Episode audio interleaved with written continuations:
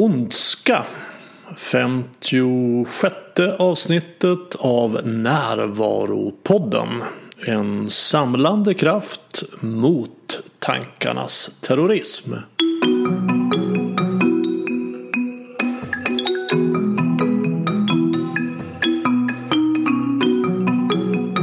Det här är Bengt Renander. Den 12 mars vid 18. 18.30 på kvällen håller jag en föreläsning om maskulint och feminint i Stockholm. Det är ett väldigt intressant och givande ämne.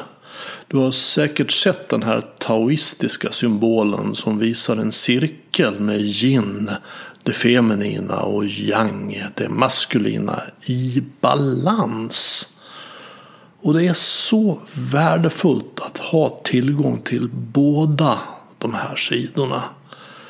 Det är många som av gammal vana hamnar i att tänka och prestera när det egentligen vore bäst att stanna upp och känna efter hur det är. Och andra, de känner så mycket att de fastnar i en känslodimma när det egentligen vore bättre att tänka ut vad man ska göra och sen göra det. Jag berättar under föreläsningen hur du kan använda din maskulina och feminina sida till att skapa balans mellan görande och varande i ditt liv och inte minst också till att skapa mer attraktion och passion. Sen i april pratade jag om hur man kan stoppa tankarnas terrorism och i maj om tantra sex. Alla föreläsningar hittills har ju varit fullbokade så vill du ha en plats anmäl dig tidigt på min hemsida renander.nu. Jag vill också tacka alla er som hör av sig med förslag och uppskattning och tankar om podden. Det är så värdefullt att få feedback från er som lyssnar. Så hör av dig och jag svarar alltid. Jag har ju inga sponsorer eller annonsörer till podden så jag betalar för att göra den och det gör jag så gärna. Jag har svårt att se något bättre att lägga pengarna på än att sprida kunskap och inspiration om hur man kan öka sin medvetenhet och närvaro. Det gör världen bättre. Om du också vill stödja spridandet av den kunskapen ekonomiskt så köp boken Stoppa tankarnas terrorism. Pengarna går till poddkassan och du får en handbok i hur du blir mer medveten och närvarande. Boken har fått många positiva omdömen som tydlig, klar, enkel och väldigt användbar. Och enklast köper du boken via hemsidan renander.nu och jag signerar den gärna om du vill. Jag har länge varit bekymrad över hur människor som ser sig som goda behandlar dem som de ser som onda. Den här uppdelningen av oss som goda och dem som onda tror jag är felaktig och skapar väldigt mycket våld som leder till mer våld. Så när jag läste Mahyad Tavakolis krönika i tidningen Sans blev jag både glad och inspirerad. Mahyad är diplomat och arbetar på UD som jurist specialiserad på folkrätt. Och hon ifrågasätter också den binära synen på ondska och godhet. Vi pratar om att vårt vanliga sätt att hantera ondska leder till mer ondska. Om att det är stor skillnad på att förstå och att förlåta. Om att vi dömer en handling utifrån vad vi vet om den. Om att gå bort från sagonarrativet om onda och goda om hur vi gärna vill hålla de goda goda genom att bortförklara och tillrättalägga. Om man ska samtala med alla oavsett åsikt. Om vad vi ska göra med det faktum att vi är olika. Om det är möjligt för oss att välja fritt. Om hur ansvariga vi är för vår vilja och våra handlingar. Och om svårigheten med att också vara en apa. Här är Mahyad Tavakoli.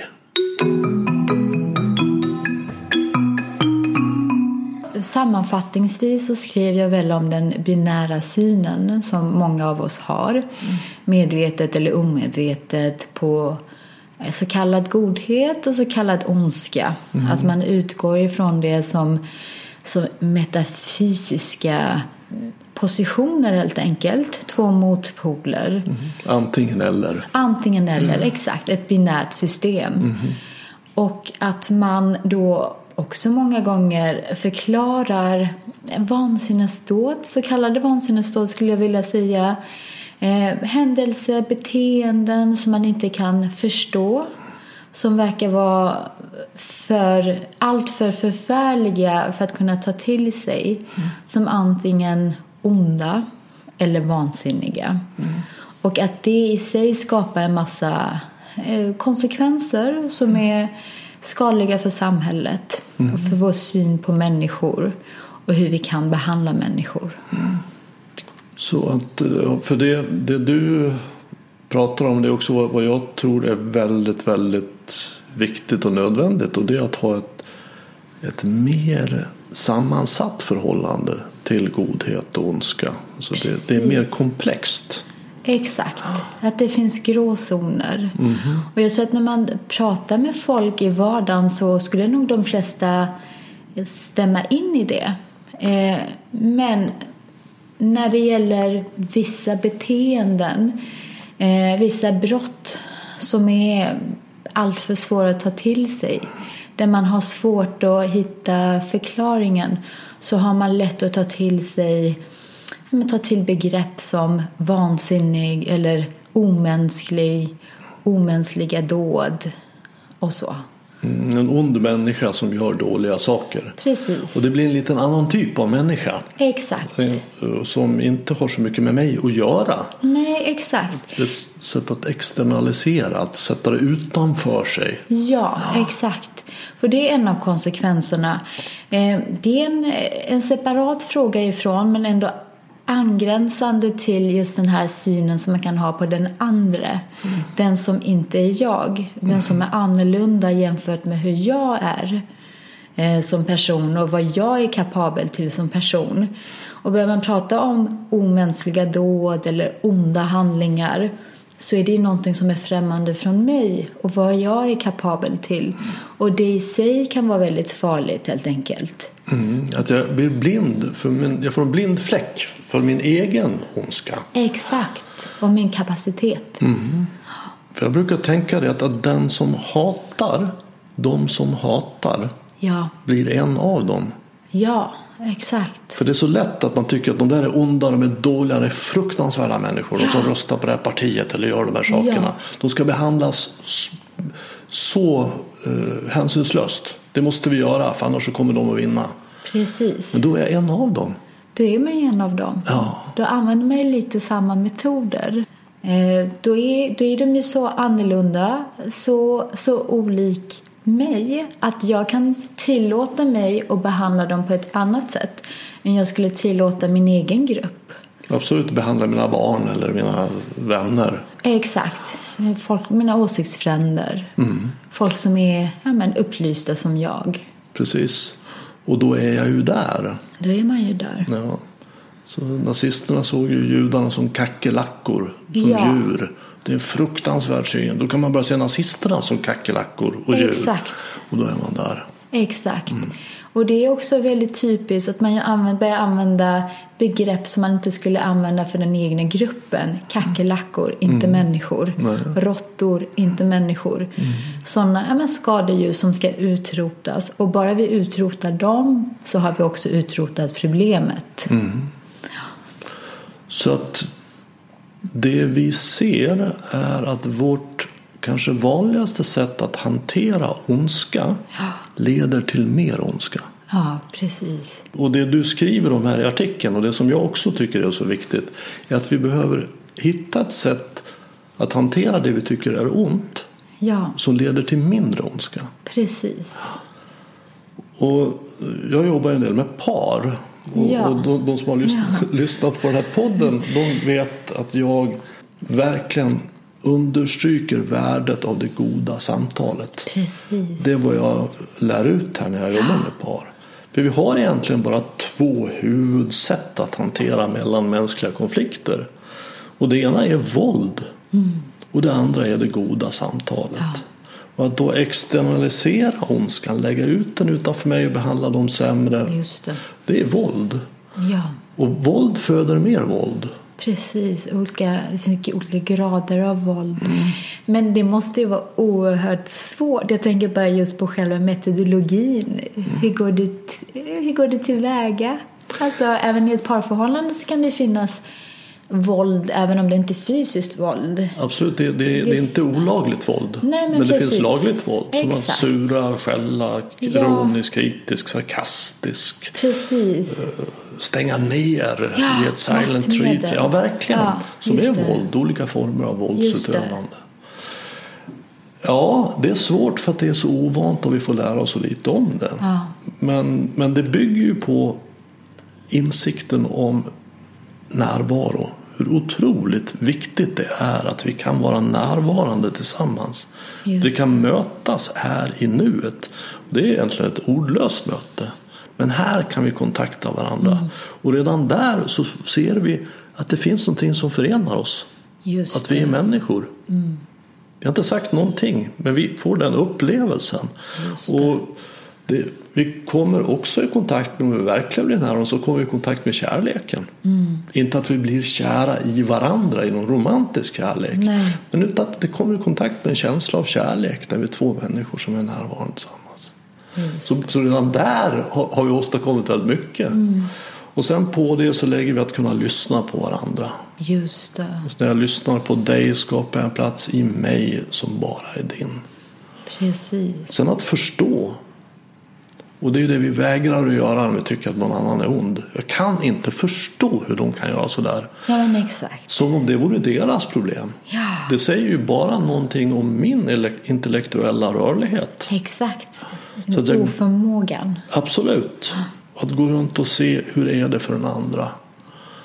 Och vi gör det ömsesidigt så vi förstår varandra. Precis. Och det tredje steget är då att samarbeta. Så okej, vad gör vi med det här?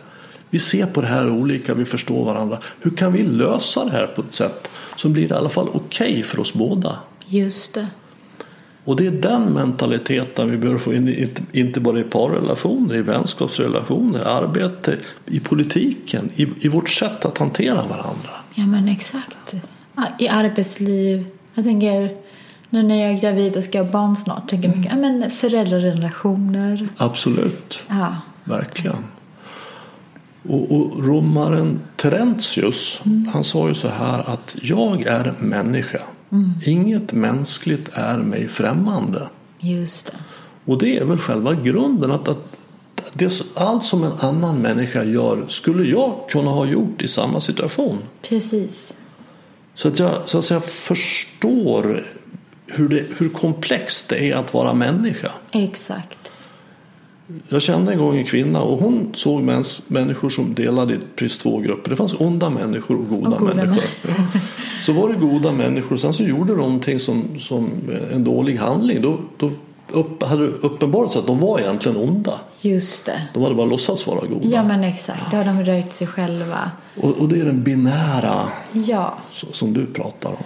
Och den är väldigt svår att göra sig av med. Det har ju ändå men, präglat eh, men hela, men man tänker på litteraturhistorien, hela vår inställning till mänskligheten sedan antiken. Sen så har det ju självklart funnits andra bilder, andra berättelser. Men det är så svårt att men vi pratar om binära system i så mycket. Kvinnligt, manligt. Eh, gott, ont, ljust, mörkt. Ja, men, himlen, helvetet. Som att det inte finns några mellanting. Nej. Och det är så svårt att göra sig av med den inställningen. Och vi pratar också om det som det vore absoluta begrepp. Ja, men precis. Utan det är ju att inse att det är relativa begrepp. Ja, exakt. För den jag kan tycka är ond, han tycker att han är god. Ja, Alltså, jag föreställer mig att nazisterna tänkte inte att nu ska vi vara riktigt onda. nej, utan man gör ju gott. Ja, det, här, det är nödvändigt att göra det här och det är en bra Precis. sak. Exakt. Och det är alltid så. Om man gör det mot folk som har förverkat sin rätt att vara människor. De är inte människor. De förhindrar för oss, för vår grupp, för, för de riktigt goda människorna att leva ett fullgott liv. Och därför måste vi, det är vår plikt. Även om det kan vara smärtsamt så måste vi förgöra dem. Och det är en glidande skala. Det är ingenting som händer på en dag. Det börjar ju med retoriken. Det börjar med att man skapar distans till vissa grupper. Att man säger att man inte kan förstå dem. Att det där, jag kan inte förstå hur den här gruppen kan bete sig som, som de gör. Precis som du säger, hur man kan rösta på det här partiet. Eh, Och att man börjar anamma en retorik. Pratar om dem, det har vi ju i dagens samhälle också, tyvärr. Man pratar inte om människor, man pratar om honor. Man pratar om annat, man använder andra begrepp för människor.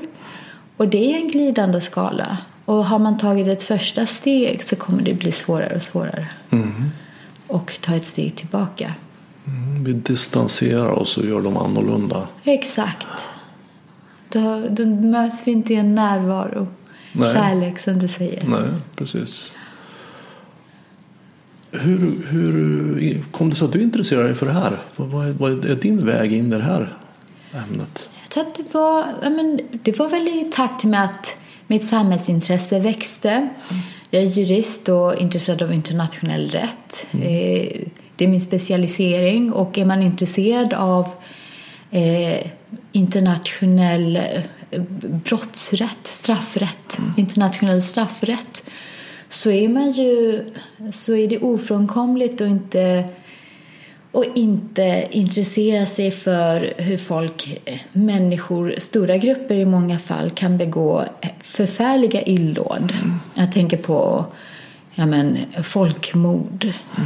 Stor, men när människor i stor skala kan gå in för att utrota en annan grupp. Och, och då är det ju lätt att bara ja, men enkelt att säga men de, de är onda. Eller det ligger i deras kultur. Vilket är någonting som många slentrianmässigt säger när de inte förstår hur folk kan bete sig på ett visst sätt. Det, det, där, det är deras kultur och den kulturen är ond. Och bara vi utrotar den här gruppen, vilket är att använda samma metod, så, så har vi gjort oss av med problemet. Just det. Så det handlar om två aspekter tänker jag. Dels den syn man har på brott och brottslingar. Eh, på förfärliga brott och människor som har varit kapabla att begå förfärliga brott. Och dels på hur de här människorna, den andra aspekten som kanske mer handlar om psykologi och socialpsykologi. Att, ja, men hur har de kunnat begå de här brotten? Hur har, hur har en människa varit kapabel till att begå det här brottet helt enkelt? Och jag tror att, att en sak som komplicerar för oss är att vi blandar ihop förstå och förlåta. Precis. Att vi tror att om vi förstår så har vi också förlåtit det. Exakt. Men det är två helt olika Det är saker. två helt olika saker. Och det handlar inte om att relativisera. Att försöka sätta sig i den människans situation och försöka förstå hur han eller hon förmådde att begå det brottet. Det handlar inte om att relativisera utan det handlar om att försöka förstå och för att kunna förklara. Och det är ett första steg för att man ska kunna förhindra. Exakt. Men det är ju det, är det många säger när de eller jag tror att det är det många tänker när de säger att jag kan inte förstå. Att det här är oförlåtligt och jag skulle minsann aldrig kunna göra samma sak. Nej. Om jag befann mig i samma situation. Och det är, ja, det är en farlig tanke tänker jag. Det är en väldigt farlig tanke för den leder till ondska. Exakt. Det är en ond tanke.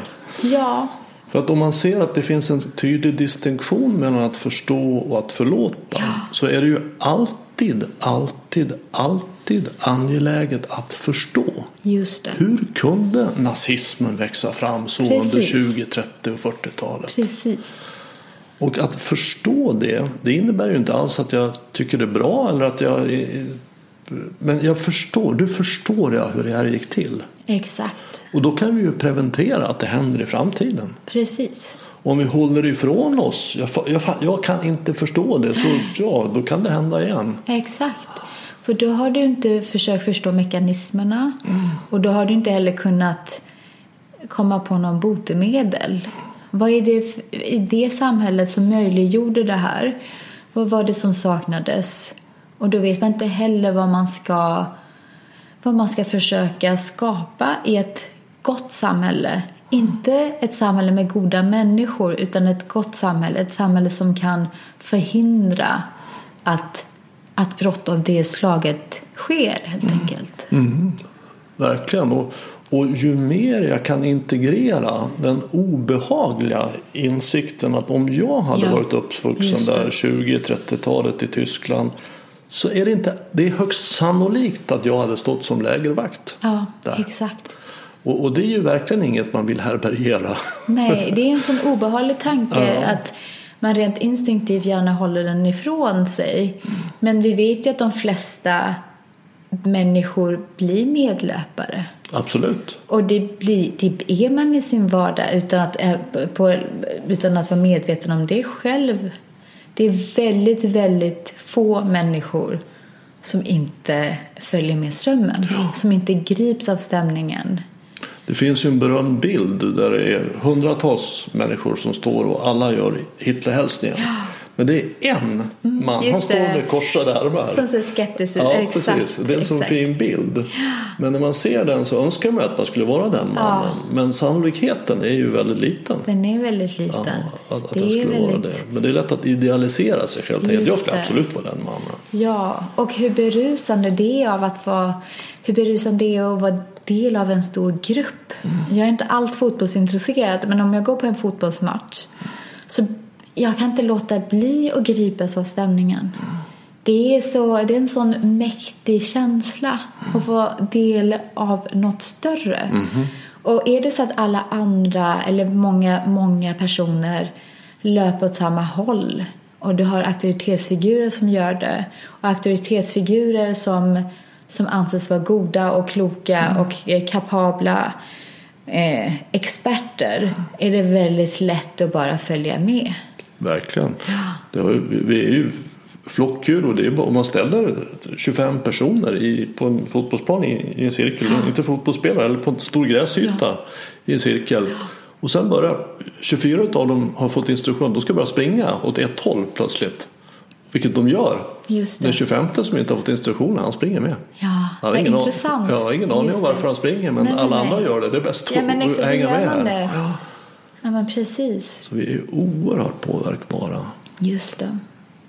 Och det kan ju då användas i, till att göra väldigt ont. Alltså vi, vi behöver liksom tänka själva. Det är ju det som vi är ute efter. Ja, Men exakt.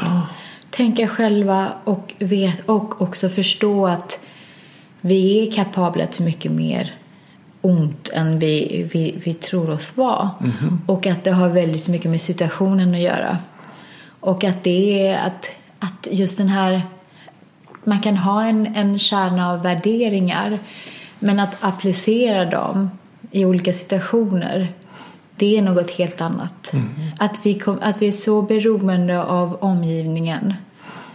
Jag läste Jukko Turkas självbiografi. Han, han finsk teaterregissör. Han beskrev i den boken en intressant scen. Om du tänk, jag, jag, jag tror inte det här är precis som han beskrev det, men det spelar ingen roll. Innehållet är riktigt. Om du tänker att du sitter i en ja, vacker park säg, uppe på Karlaplan och det är vår och Ja. de första blommorna har precis slagit ut. Och bara så, wow, vad fint det är. Och då kommer det en, en hemlös person och börjar plocka blommor Ja. i den här offentliga rabatten. Och tänker vilken jädra typ. Ja, Här ska ju vi njuta, det här är för alla. Vi ska kunna njuta av dem över hela sommaren. Och här, då går han och plockar dem. Och då får du veta att hans mor har dött. Mm. Han har inga pengar, han är fattig. Mm. Han vill ha några blommor att lägga på hennes grav. Åh, ja. Herregud, det, det finns så mycket blommor så att... Ja, men du kan. Det, det, det, det, ta inte alla bara, men du kan ta en liten ja, ta en bukett. Det. Det, det, går bra, jag förstår ja. det. Och då får du veta att han tog livet av sin mor. Oj. Ja, men herregud. En, han dödade sin egen mor och har mage att gå här och plocka blommor. Och då får du veta att det var ett barmhärtighetsmord. Mm. Hon var svårt, svårt sjuk. Hon verkligen bad honom och han efter svåra överväganden valde att gå henne till mötes. Just det. Men wow, stackarn, vilket svårt... I det yttre sitter en person på en bänk, en annan person plockar blommor i en rabatt. Just det. Beroende på vad jag vet om den handlingen ja.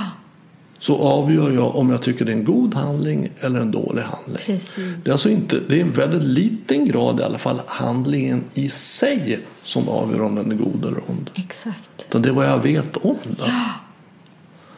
Och jag tänker på det ibland när jag ser deckare på tv att det är då någon mördare, ond mördare som har precis. mördat någon. Och sen har vi en polis som jagar den där. Och vi tänker mot slutet, skjut den jäveln! Ja. Fort döda honom nu direkt! Okej, okay. vi är två. Vad... Just det. Det har ju bara att göra med vad, vad vet, vilk, från vilket håll ser jag den här händelsen? Exakt. Och vi alla ser ju världen lite olika. Ja. Alla har olika verklighet. Precis, olika förutsättningar. Ja. Jag tycker du, du berättar fint där om Goya ja. i din artikel. Kan du inte berätta den? Ja, Goya, det som jag tycker är Goya är en av mina favoritkonstnärer. Kanske inte den som är mest tekniskt skicklig, men han har han hade en sån mogen syn på det mänskliga. Men han var ju en sån som eh, inget mänskligt var, var främmande för. Mm. Helt enkelt. Han hade sett ja, men, eh, mänsklighetens alla avarter och man ser också hur hans konst förändrades under hans ja, liv. Eh, det som är så intressant med Goya är att det finns hans ja, men, beskrivningar av till exempel inbördeskrig och förfärliga våldshandlingar att det är helt omöjligt att utläsa vem som är, vem som är förövare och vem som är hjälte. Mm. Utan båda sidor gör, gör ont. Mm. Det finns ingen, inget, inget hjälteskimmer över någonting. Och eh, också monstren har mänskliga drag. Mm. Det är det som gör Goya så intressant. Mm. Han ger, ger en mer komplex bild. Han ger en mer komplex bild mm. och vad det innebär att vara mäns- människa. Mm. Och, och, en mer sann bild. En mer sann bild, en mer komplicerad bild. En bild som är som, är, som därför blir mer obehaglig mm. och betydligt mer intressant. Mm. Som ligger bortom det här klassiska sagonarrativet som mm. man är uppvuxen med. Om att det mm. finns de som gör gott och de som gör ont och, och som gör att man själv ofta bortser från, från det dåliga man själv gjort. Mm. Helt enkelt den egna sidan gjort i krig. Mm. Att, menar, att vi pratar mindre om de allierades brott till exempel. Mm, verkligen. Och så. Som i, var ju enorma Enormt, så hur man bombade, bombade Dresden till exempel, Hamburg, Exakt. Köln. Precis. Hundratusentals civila dog. Exakt. Och det var avsiktligt. Precis, man pratar inte om massvåldtäkterna på samma sätt. Nej. Om krigsbrotten som också ägde rum storskaligt. Mm. Att det är så lätt att bara bortse från det för att den andra sidan var den onda. Mm. Vi vill göra det enkelt på något sätt. För det är också så att, att de goda, de ser som de goda, de vill vi hålla goda. De vill vi hålla goda, exakt. Och det är det som är li, precis lika farligt, mm. om inte mer. Mm. Eh, men avarterna ser man som undantag eller så bortförklarar man dem. Mm. Man smetar över dem. Mm. Och eh, men, nu för tiden, nu pratar man mycket mer om men, nationalhjältar som alltid fått vara nationalhjältar. De här idolerna som man har lyft fram. Det, det är en bild som i många länder kompliceras och det är väldigt positivt. Nej, men jag tänker till exempel på vid något tillfälle så pratade vi om Gandhi till exempel mm. och Gandhis syn på hinduism. Nu står det väldigt mycket skrivet som, eh, som eh, ja, men tecknar upp en motbild på hur han var som, som, ja, men som går emot den här bilden som gode landsfader mm som ville alla gott. Mm. Nu står det ja, men väldigt mycket skrivet om till exempel hans syn på hinduism, hur konventionell den var, mm. hur enormt eh, konservativ den var och hur mycket han var emot social mobilitet till exempel. Hur mycket han var emot eh, så kallad ja, mobilitet mellan de så kallade kasterna. Ja, försvarade kastsystemet. Försvarade kastsystemet och eh, verkligen ville bygga in mekanismer som skulle förhindra att det här endemiska systemet bröts. Mm. Och vilka förödande konsekvenser det fick för Indien helt enkelt. Mm. Och så. Och det finns många exempel. Verkligen. Aung San Suu Kyi, mm. det är ett väldigt tydligt exempel mm. med flera med flera. Ja, vi vill lätt idolisera att vi har en god idol där och ja. en ond där. Det blir som att man gör verkligheten till en saga. Ja men exakt, det är ett uh, sagonarrativ. Mm. Och det är, det är inte riktigt värdigt ett uh, vuxent intellekt helt enkelt. Nej. Utan det är klart att det är väldigt eh, frestande. Men man måste, man måste våga röra sig bortom det. Mm.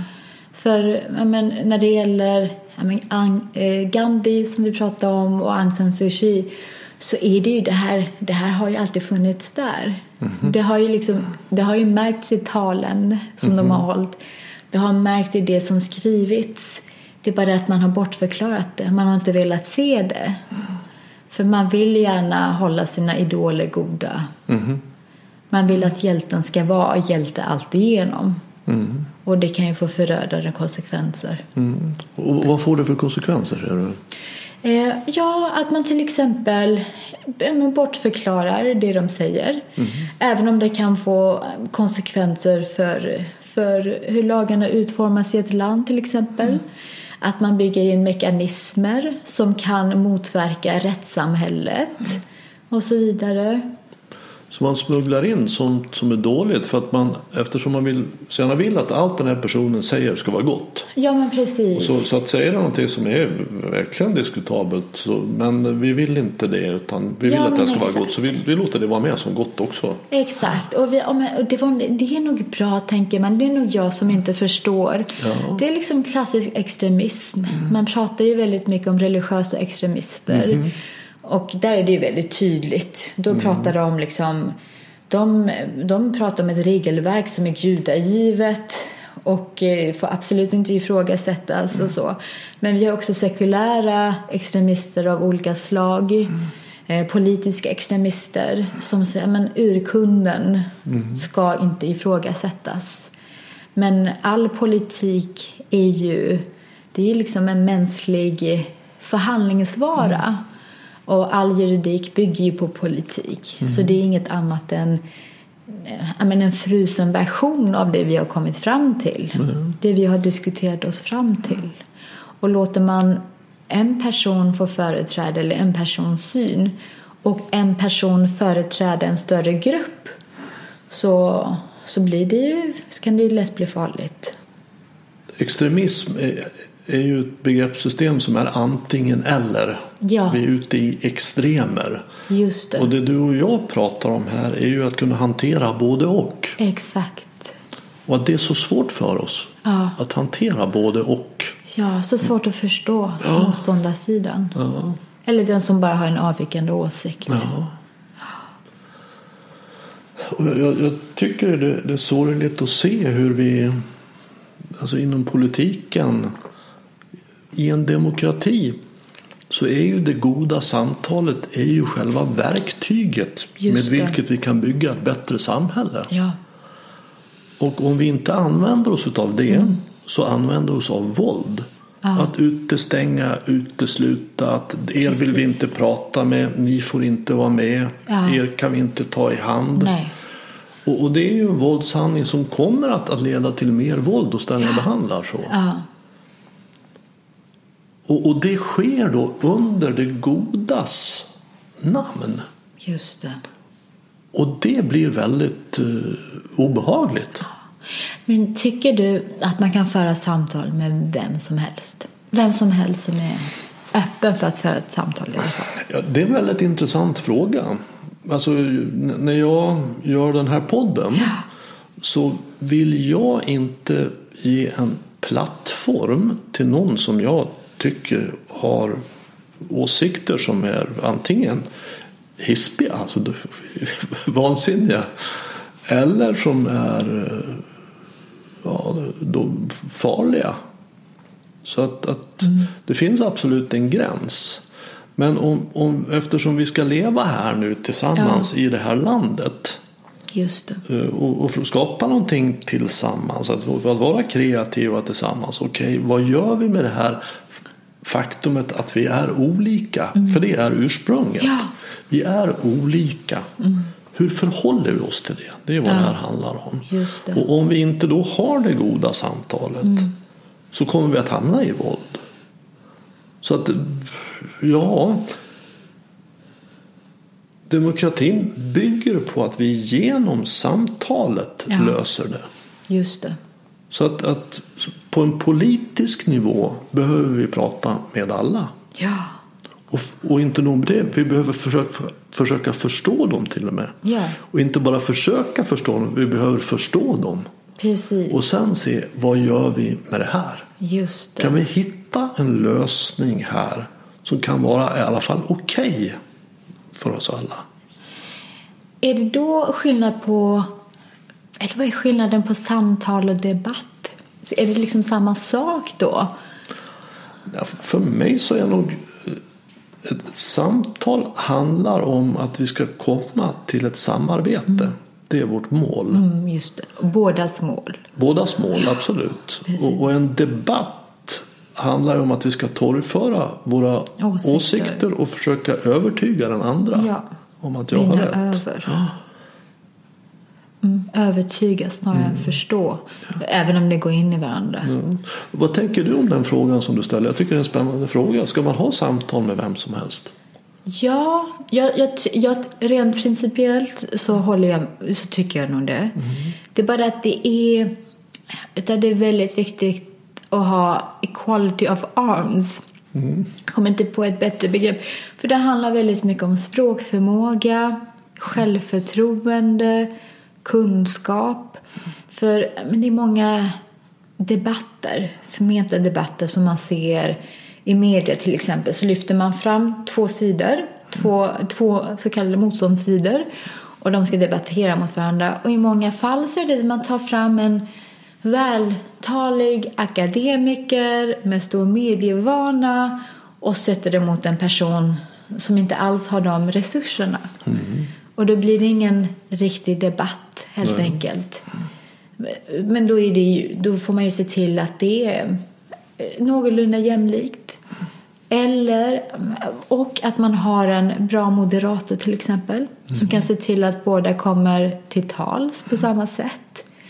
Men det, det är svårt. Samtidigt så kan man ju inte men, säga att vissa grupper inte ska få komma till tals just för att de inte är välutbildade eller vältaliga och så vidare.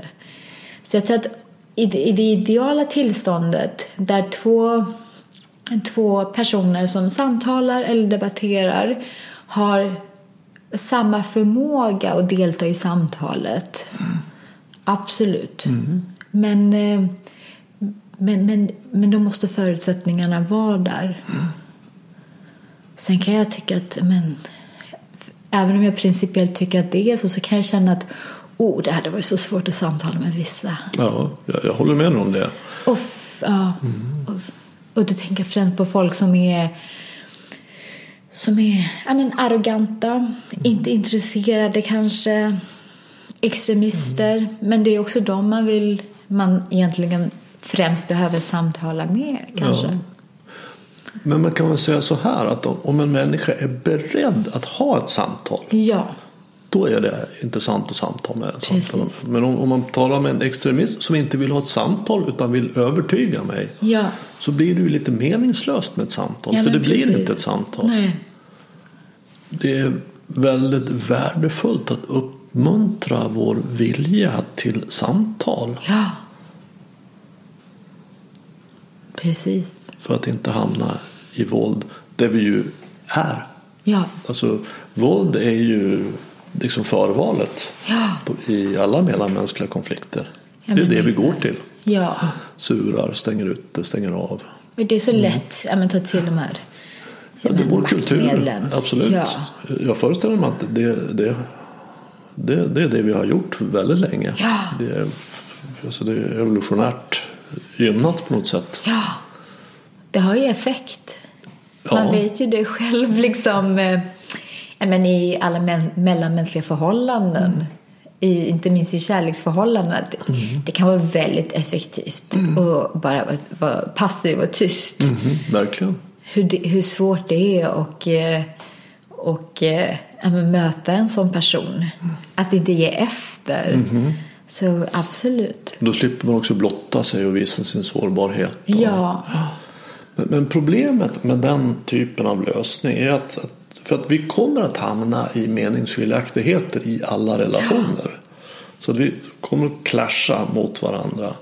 Och om jag använder då våld, jag stänger ner, stänger av eller vad det nu är. Så kommer relationen att vara lite sämre efteråt. ja Så vi kommer att minnas den där händelsen Ja. som att det var en händelse som gjorde att vår relation blev en sämre.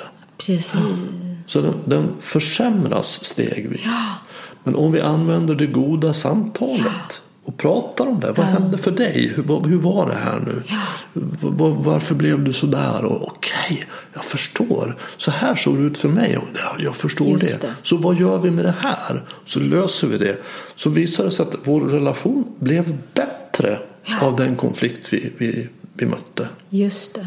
Så att vi bygger hela tiden någonting. Ja. Och det här är ju inte bara på parnivå utan det här är också på samhällsnivå. Ja. Och vi som grupper, olika intresseområden som är väldigt olika kan mötas och lösa det. Just så kommer det. vi att få ett bättre samhälle. Exakt. Man får förståelse för den andra sidan. Vad Och det är nödvändigt för att kunna samarbeta. Jag kan inte Just det. samarbeta om jag inte förstår dig. Nej, precis. Och vi får ju i, ja, i Sverige, det är ju allt, vi får in en allt större olikhet.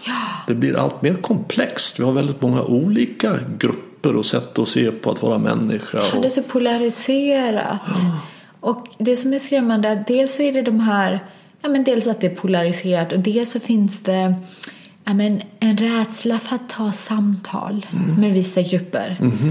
Man tänker ja men, väldigt mycket som man inte förstår, visst beteende hos vissa ja men, invandrargrupper till exempel. Det förklarar man med att ja men, det där är deras kultur de får hållas. Vi, vi, vi, vi tar inte ett samtal om det. Vi kritiserar inte. Vi låter det bara vara. Och det i sig är ju också ett, menar, en, en brist på respekt, tänker jag. Verkligen. Man tänker att de här personerna är så annorlunda och så inkapabla till ett samtal eller till att liksom till att förstå mina argument att jag låter det bara vara. Och det i sig är väldigt problematiskt. Det är inte respektfullt. Nej. Har du något exempel som du kan tänka på? Ja, men jag tänker på eh, till exempel ja, men det kan handla om, nu tar jag inte ställning för frågorna utan bara det att jag konstaterar att, att det har varit svårt för politiker till exempel eh, och prata om eh, omskärelse av pojkar till exempel. Att man inte ens tar samtalet, sen kanske man blir övertygad. Men att man bara låter det vara. Att det kan vara hijab på små flickor. Att det kan vara men, könssekrerade gympalektioner i skolan. Sådana saker. Att man bara låter det vara. Helt enkelt. Och inte tar samtalet. Det blir en sorts flathet. Ja, att man är orolig och rädd. Och att man också liksom inte tänker, inte tillmäter eh, den andra gruppen samma, samma kapacitet, samma kognitiva kapacitet eller samma, samma respekt. Hade, att man liksom inte bara låter dem argumentera för sin sak och förklara varför man, man själv tycker att ett, en viss sak är rätt. Ett visst beteende är rätt helt enkelt. Att man går in och förstår, okej, då förstår jag. Då förstår jag Och precis. sen behöver vi göra det ömsesidigt. Ja. Att den här gruppen förstår Ja. varför, Ja. vad det finns för argument mot omskärelse eller könssegregerade gymnastiklektioner eller vad det nu är. Och sen då det tredje steget, vad gör vi med det här? Vad gör vi med det här? Hur, hur behandlar vi det? Hur, Hur kan vi lösa det här vi det? Precis. Ja, på hur ett sätt som blir okej för oss båda? Exakt. Och det finns ju många stora och komplexa och väldigt svåra frågor. Så är det ju. Ja, Så, alltså man ser ju inte några omedelbara lösningar. Nej, nej. Men eftersom alternativet är våld så är det ändå det bästa vi kan göra. Precis. Vi har inget annat alternativ. Nej, exakt. Och att inte ta samtal skapar ju distans. Verkligen. Då är det så här, ja, men de här gör på det här sättet. Mm. Det är, jag tycker att det är förkastligt men jag tar inte samtalet för de är ju sådana. Mm-hmm. Det är en annan sort. Den andra. Mm. Den som inte är som jag. Just det. Då har man inte... Då, då har man ju skapat en distans. Absolut. Det är ju att ge ett silent treatment fast på, Ja, en, en, på gruppnivå. Precis. Utan varje community får, får sköta sig själv. Mm. Och utan att vi har en egentlig inblick. Mm. Utan att vi har försökt skapa förståelse för våra tankar eller förstå dem. Mm. Ja, det blir mindre av ett samhälle helt enkelt. Verkligen. Och det är ju också så att när det finns konflikter så skap, som vi inte pratar om Ja. så skapar det spänning. Det löser situationen som är nu men det löser ju definitivt inte problemet. Det, det bidrar ju till att göra problemet större. Exakt. För det finns en spänning där i det outtalade. Exakt. Som kan brisera. Verkligen, som ju gör det också. Ja, För det, där, det pågår ju, kan inte pågå länge som helst. Ja. Utan, utan när, du, när jag är tyst så blir du sur och när du blir sur blir jag förbannad. Och Ja, då blir exakt. du kritisk, då blir jag sarkastisk, då blir du ironisk. Så leder vi en spiral ner i, Ja. i förödelse. Exakt. Och då kan det räcka med en liten gnista för att det ska Ja, men för att bomben ska brisera och, och problemen ska bli så mycket svårare att hantera än om man hade tagit de där jobbiga samtalen under processens gång. Vilket man gör i ett välmående demokratiskt liberalt samhälle. Där alla får komma till tals. För det kan appliceras på så många nivåer. På Verkligen. individnivå, Ja. i relationer, men på samhällsnivå, Verkligen. mellan stater. Verkligen, och, det är lite samma mekanismer. Ja. Alltså jag, jag sitter där och tänker på att en, en del i det här är ju att vi är djur. Vi är en apsort. Just det. Så, så, som ju har väldigt primitiva instinkter. Alltså vi skulle ju inte säga att om två lejonhannar kämpar mot varandra för att bli alfahannen och den ena dödar den andra. Att det skulle vara ondska. Nej. Den är inte, en- det är inte en ond lejonhanne utan den gör det som den Ja. Instinkten ja, eh, instinkten gör. gör. Precis. Och, och, och vi har ju en, en massa primitiva instinkter. Så jag menar, hannar slår ihjäl varandra här. Men vi har ju då en nivå till. Vi har ju möjligheten att tänka. Ja, precis. Gör det kognitiva. Att reflektera i kring detta. Ja. Och skapar ett sorts samvete. Inte nog att vi gör saker utan vi vet att vi gör saker också. Exakt. Så att det finns i någon mån ett val. Och jag kommer in på det fria valet. Har vi ett fritt val? Mm. Kan, finns det? Vad, vad, tänker du kring det? Jag är nog extremist när det är det. Jag tror absolut att det finns ett fritt val. Att vi, eller vi har kapaciteten, vi har den kognitiva förmågan och vi har förmågan att bygga upp mekanismer som skyddar oss och samhället från våra egna excesser, tänker jag. Mm. Det är klart att en desperat människa kan, kan inte tillmäta samma kognitiva förmåga som någon som inte är desperat, helt enkelt. Mm. Man tänker bara på brott, helt enkelt. Man, man hör om ett så kallat vansinnesdåd. Mm. Man hör om hur någon har slagit ihjäl sin fru med barnen eh, hemma. Att det är så, så lätt att bara instinktivt tänka, åh den jäveln, mm. häng honom. Ja. Men även om man är emot dödsstraffet till exempel. Och att det är så viktigt att man därför bygger in mekanismer i samhället som skyddar oss från det där. Mm. Att man när man befinner sig i ett lugnt, eh, eftertänksamt tillstånd bygger in de mekanismerna i samhället helt enkelt. Men eh, så det tror jag. Jag tror inte att vi har ett fritt val i varje enskild situation. Det är på vilken situation mm. vi befinner oss i. Mm.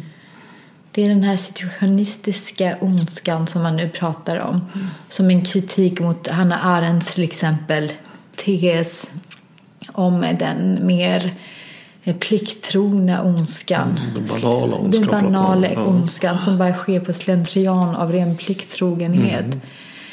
För hennes uppfattning var ju att bara vi får rätt uppfostran, ett icke-auktoritärt uppfostran, mm. en icke-auktoritär uppfostran så finns det ju ja, men mot, det finns en möjlighet att eh, vaccinera samhället helt enkelt. Mm. Eh, mot, mot illdåd som nazisternas till exempel. Mm. Men nu finns ju många teser såklart, men det finns en uppfattning om att nej, men det handlar mer om situationen. Vilken mm. situation man hamnar i. Oavsett vilken bakgrund man har mm. och vilken uppfostran man har fått så kan man mycket väl begå hemska dåd. Mm. Bara förutsättningarna är de rätta, mm. så att säga. Så jag tror att vi har, vi har kapaciteten att bygga in mekanismer men, men det är inte så att vi i varje enskild situation agerar rationellt utifrån fri vilja. Nej, för det hänger ju fri vilja och ondska godhet hänger ju lite ihop. Ja. För att om jag inte har möjlighet att välja, ja. vad, vad tar det ja. onda och goda vägen då? Då finns det ju inte. För det finns ju ett, ett berömt fall eh, om en amerikan, jag tror det var på 60-70-talet någonting. Han ja, sköt sin... Jaha okej, okay. ja, nu, nu är jag typ på något helt annat. Det finns många berömda fall. ja, jag tänker på att det är en man som sköt sin, sina föräldrar, tror jag, sin fru och kanske också sina barn. Okay. Och så skrev han ett brev att, att för, för, det var en kille som var helt, en, en jättefin man. Ja. Som hade skött sitt jobb och liksom inte var någon, han var inte psykopat eller någonting. Men, men han gjorde det här och sen skrev han ett, ett brev att ni måste undersöka min hjärna om det har hänt någonting. För att det här är liksom så konstigt. Okay. Så tog han livet av sig. Okej, okay, intressant. Och man obducerade honom och hittade då en tumör i amygdala, i anslutning till amygdala. Ja, som är precis där man väntar sig att hitta någonting ja. ifall man har fått en störning i ja. sin aggressionsmönster. Precis, någon sorts psykos. Ja, han fick helt enkelt, det, hade att göra med den här tumören som ja. gjorde en sån personlighetsförändring i honom att han utförde dessa dåd. Just det. Och då är frågan, var, var det här en ond man? Just det. Alltså, det, det, det det, det, är klart att det är fruktansvärda handlingar ja. att skjuta sin, mörda sina föräldrar och sin, ja. sin familj egentligen. Men det var ju ingenting som han Nej, ville. det var ju ingen fri, det var Nej. inte utifrån fri vilja. Så ju, ju, mer jag genom åren tänker på det här med fri vilja, ju mindre fri blir den faktiskt för mig. Jag, jag, jag, jag är nog Alltså vi har ju en, jag har ju en illusion av frivilliga som är väldigt stark. Den är väldigt stark. Jag har ju en illusion av att jag har bjudit hit dig till exempel Ja. av frivilliga. Just det. Just det. Och du har säkert illusion att du har kommit hit av frivilliga. Exakt. Men samtidigt när vi ser i alltså, så- så har ju allting all verkan har ju en orsak. Ja. Så det finns ju alltid en bakomliggande anledning. Så vi befinner oss i ett kausalt förlopp av orsak-verkan. Ja. Och, och tror man på det, vilket jag gör, så försvinner ju den fria viljan. Men tror du då att så det är, den här orsaken, den här verkan är det någonting som du ändå någonstans dikterar? Eller dikteras det mer av ja, men, biologiska betingelser snarare? Mm, nej, ja, det dikteras av ja, då, egentligen fysik, eh, Ja. kemi, biologi. Alltså, det är ju en kausala förlopp. Just det, som pågår du inte egentligen Nej, jag har ju inte valt egentligen. Jag har inte valt mina föräldrar. Jag har inte valt att bli man. Och Nej. det är ju till och med så att, att jag vet ju inte ens vad jag kommer att säga om tio sekunder. Ja, just det. Att när jag pratar nu så är jag i princip lika förvånad som du över vad jag säger. Ja. ja men, precis, Men jag har illusionen av att det är jag som säger det.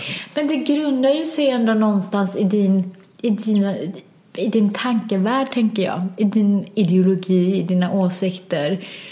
Har inte du ändå, om man tänker på ja, men en, så många män ungefär din ålder som har växt upp under ungefär samma förutsättningar har ändå, kan ha väldigt annorlunda åsikter om saker och ting. Hur kommer det sig att ni inte är mer lika då? Ja, det är ju olika ingångsvärden. Ja. Alltså om man kastar ner en, kvist i en fors så och kastar ner fem kvistar så kommer alla att åka lite det. Mm. olika. Och eh, jag tycker att jag har haft tur. Men, men att jag kan liksom att det är jag som har gjort någonting utav det som gör att jag idag får sitta här som en frisk och, Ja, och, och, och vällevande man med ett väldigt fint liv Ja. hänför jag nog mycket mer till tur. Det hade kunnat Det var varit, sam- ett det hade kunnat varit väldigt annorlunda. Men jag vill gärna tro på den fria viljan ändå, i större utsträckning. Jag tror mycket på ja, men, den socialpsykologiska situationen, eh, var man råkar hamna, vad man har för bakgrund, miljöns inverkan. Men jag tror ändå att man utifrån de förutsättningarna skapar sig en egen vilja. Och den är väldigt, den är ganska ehm, föränderlig helt enkelt. Man,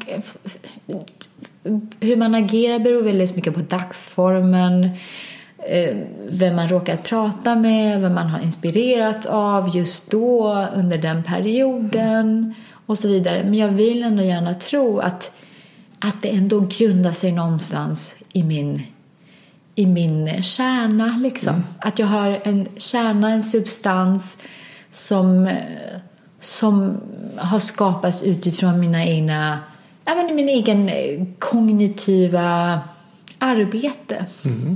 Det är något som jag har tänkt mig fram till. Att min personlighet inte bara är en eh, ja, men produkt av tillfälligheter. Ja, men det, det vill nog jag gärna tro också. Ja. Men ju, ju mer jag tänker på saker ju färre argument hittar jag för att tro på det. Men det finns ändå en sån bredd. Ja, men Visst, människor kan agera väldigt olika olika situationer och man märker också hur grupper beter sig på liknande sätt under vissa förutsättningar. Vilket möjliggjorde förintelsen och en massa Väldigt mycket ondska. Väldigt mycket ondska, exakt. Men att det ändå är... Jag menar, att det inte bara är biologiska betingelser, Nej, tänker jag. nej, det här blir ju en, en sorts Ja. eh, metafysisk fråga. Ja, Det var en dansk filosof som, som beskrev det som att vi människor vi, vi åker genom livet som om vi satt i en simring på väg ner i en fors. ja, Den här forsen är livet som fraktar oss igenom. Och det mesta kan vi inte göra någonting åt. Mm. Till exempel vårt åldrande eller vad som Ja. händer runt om oss. Vi, vi är helt maktlösa i förhållande till det. ja. Men hon menar att vi kan plaska lite grann med händerna så vi kan påverka riktningen.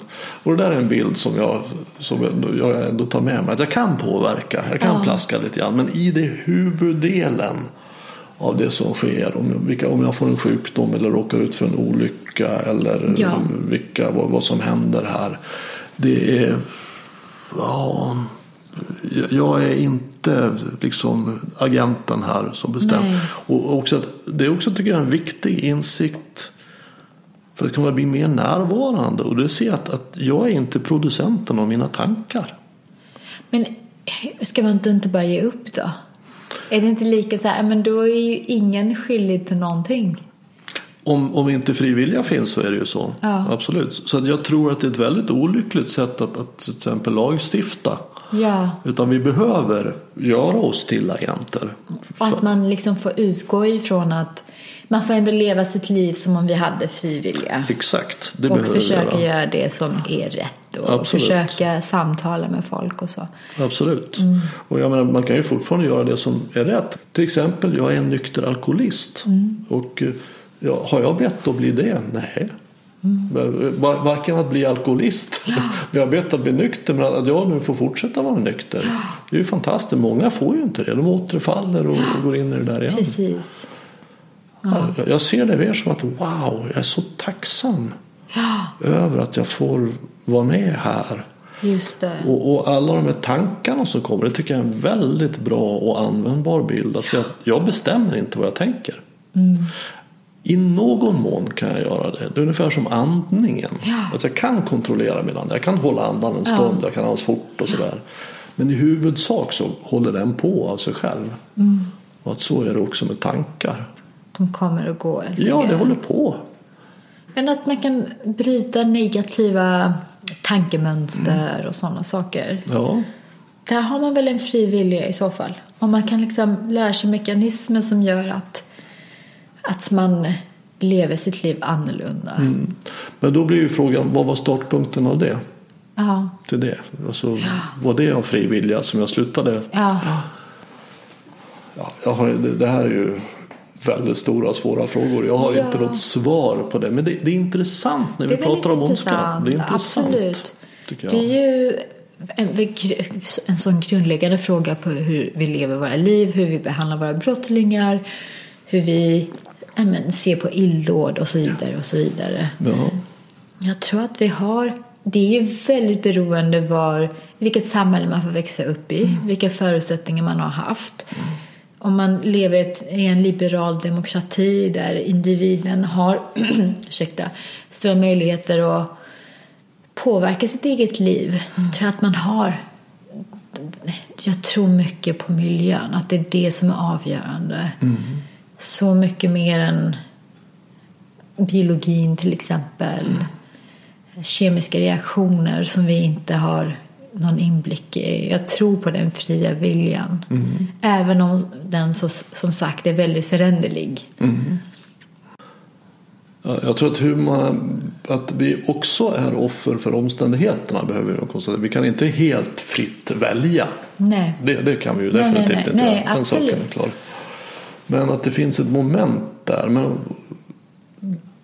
det, det är ju svårt att lasta den, som skär, den svältande som stjäl en bit bröd. Precis. Det är svårt att Ja. skuldbelägga den. Ja, För gör den det av fri, är det en fritt val att stjäla en bit bröd? Eh, Han måste det. precis. Och det kan vara, det kan vara en förståelig handling. Han kanske gör det frivilligt men det är ändå förståeligt. Mhm, verkligen. Det kan ursäktas. Absolut. Det är en väldigt intressant fråga. Mhm. Svår fråga. Ja, men det kommer ju tillbaks där till hela tiden att lyssna, förstå och se vad gör vi med det här. Lyssna och Exakt. förstå vad, vad gör vi med det här. Och våga närma sig de här skrämmande frågorna. Verkligen, att inte externalisera dem, att lägga dem utanför. Du är ond, jag är god. Precis. Det i sig är en väldigt ond. Ja. Det- är en handling som, som gynnar ondskan. Precis. Det är nästan det som är ondskan. Ja, det är det som skapar ett ont samhälle. Verkligen. Onda mekanismer. Mm. Wow! Vad intressant. Ja, verkligen. Det blev ett väldigt intressant samtal.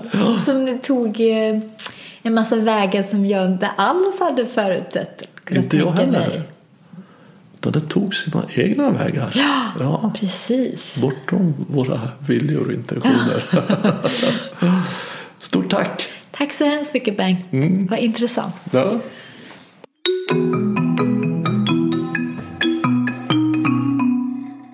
Vill du komma i kontakt med Mahyad så finns en länk till hennes mailadress i anslutning till det här avsnittet på min hemsida renander.nu.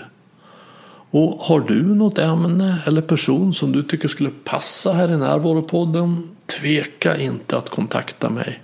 Enklast gör du det via kontaktformuläret på hemsidan renander.nu. Desto fler vi är som är vakna i verkligheten, ju mer kan vi förändra den på riktigt. På återhörande och du, var uppmärksam.